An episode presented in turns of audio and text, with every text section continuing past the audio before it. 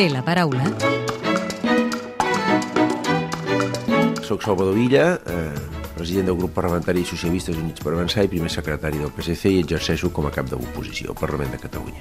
La primera pregunta és obligada i passa per Ucraïna. Pedro Sánchez ha anunciat aquesta setmana que Espanya enviarà armes directament a l'exèrcit ucraïnès i està plenament d'acord? Sí, estic plenament d'acord i a més estic eh, molt orgullós, si, si em permet dir-ho així, de, de, de la resposta que ha donat el govern d'Espanya, que està donant el govern d'Espanya. No? Eh, S'ha de ser molt ferm per eh, contestar a una, a una invasió absolutament il·legítima i injustificada per part de Rússia d'un estat sobirà com és Ucraïna. No? I crec que s'ha d'actuar com s'està fent, amb la màxima coordinació eh, dins de la Unió Europea i amb els nostres també aviats de l'OTAN i amb la màxima contundència. Centrem-nos ja, si li sembla, eh, en casa nostra. Estem pendents que es torni a reunir la taula de diàleg entre els governs català i espanyol, però de moment no hi ha data, o almenys públicament no s'ha concretat encara la data. Creu que la resolució del conflicte català està en la llista de prioritats de Pedro Sánchez? Sí, crec que se n'han donat proves i crec que s'han fet passos molt importants. Ara hi ha una part de feina que també hem de fer nosaltres, no? I jo estic molt a favor de que reuneixi la taula de diàlegs, eh, de diàleg entre governs. De fet, es va reunir a la comissió bilateral, que també va fer progressos, però també estic molt a favor de que es reuneixi aquesta vegada encara per primera vegada, perquè no s'ha posat en marxa la taula de diàleg, la taula de partits, es diu diàleg entre catalans, que també forma part dels compromisos que vam contraure amb Esquerra Republicana i que s'estan incomplint. No?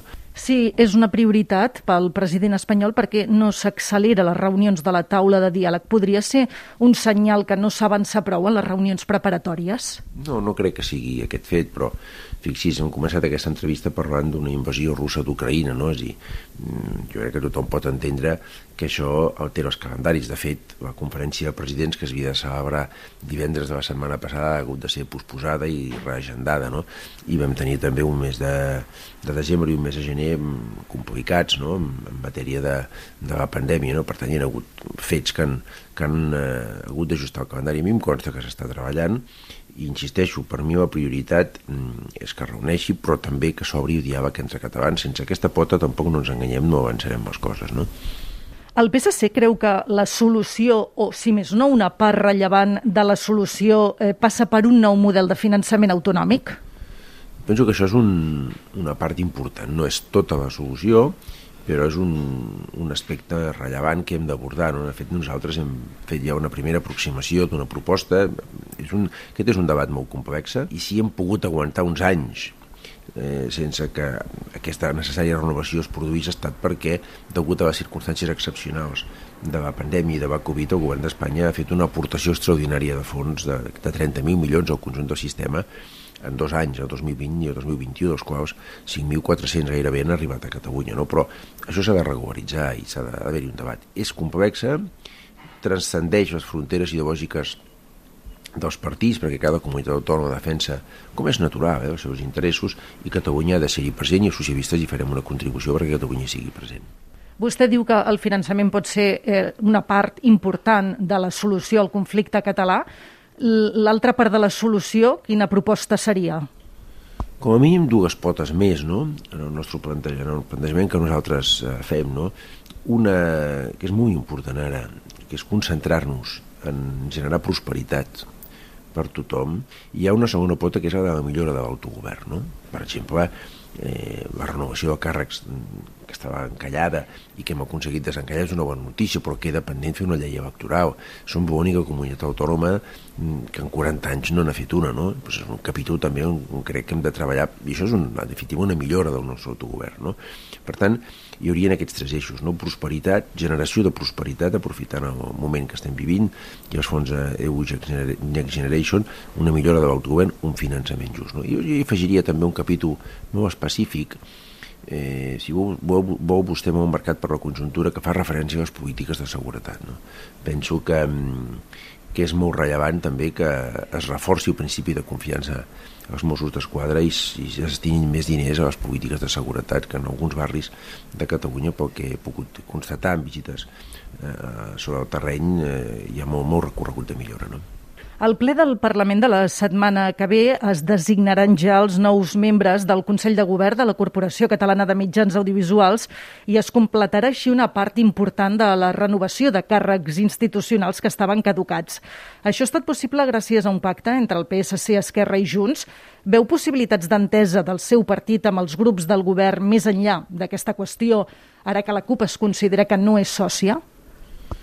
Amb tota sinceritat i també amb tot respecte, jo crec que a Catalunya convé un canvi de rumb. Penso que el govern, ara ja fa un any, no?, de les eleccions al Parlament de Catalunya del 14 de febrer del 2021, fa una mica més d'un any, no? Penso que el govern no està funcionant, té un nivell de cohesió interna molt feble i, i, i per això ens, ens ha semblat que el millor servei que podem fer al país és construir una alternativa i per això hem posat en marxa un govern alternatiu i ens esforcem a ensenyalar com ens sembla a nosaltres que s'haurien de fer les coses. Però jo estic concentrat en això, en generar una alternativa. Ara això no impedeix que col·laborem amb el govern i que estanquem la mà en moltes matèries. Fins a 43 acords hi vaig suggerir o hi vaig proposar al president Aragonès i entre ells, per exemple, tota la renovació de càrrecs que hi hem endegat. No?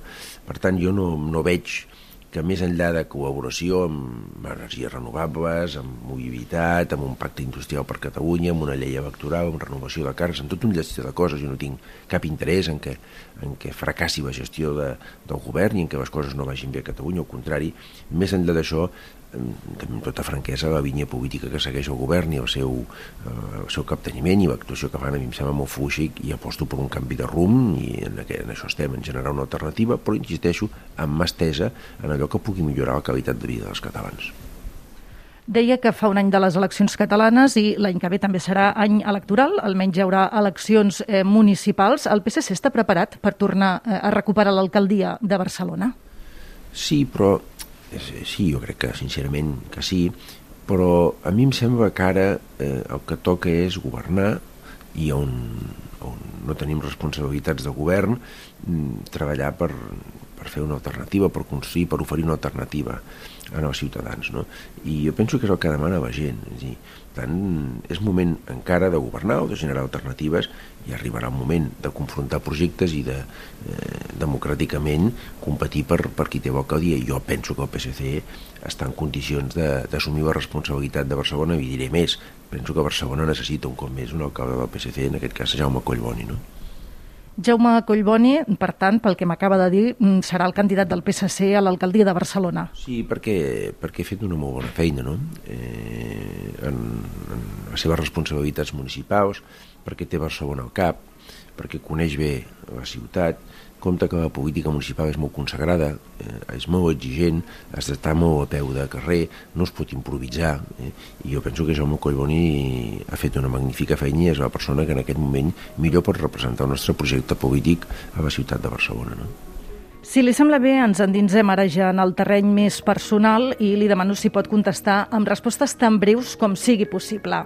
Se sent identificat amb la definició que fan de vostè com l'home tranquil? Intento ser una persona que és tranquil·la, sí, que no, no, no, no tababar-me, per dir-ho així, però també tinc els meus moments de tensió i de, i de neguit. Eh?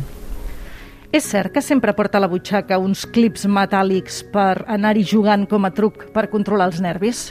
Sí, porto sempre clips i fins i tot me'n regaven algunes vegades d'alguns d'una mida més gran i totes les butxaques meves estan plenes de clips. Mm. Amb quin diputat o diputada que no sigui del seu grup compartiria una sobretaula distesa? Amb molts d'ells, amb Albert Batet, amb Marta Vivalta, amb Josep Maria Jové, amb Josep Rius, amb Carlos Carritosa, Alejandro Fernández és un tipus molt divertit, amb Jessica Albiach, amb molts d'ells tinc una relació personal amb gairebé tots ells molt bona. Té algun paisatge favorit?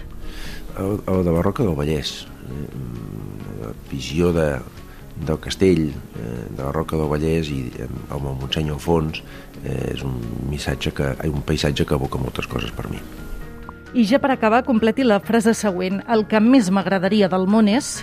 Que acabessin les eh, accions militars a Ucraïna i que les tropes russes es retiressin d'aquest país. Salvador Illa, cap de l'oposició i primer secretari del PSC, gràcies per atendre'ns a l'hemicicle de Catalunya Informació. Moltes gràcies, ha estat un plaer. Podeu tornar a escoltar l'Hemicicle al web catradio.cat barra hemicicle o al podcast del programa. i seguir l'actualitat del Parlament al perfil de Twitter arroba L-hemicicle.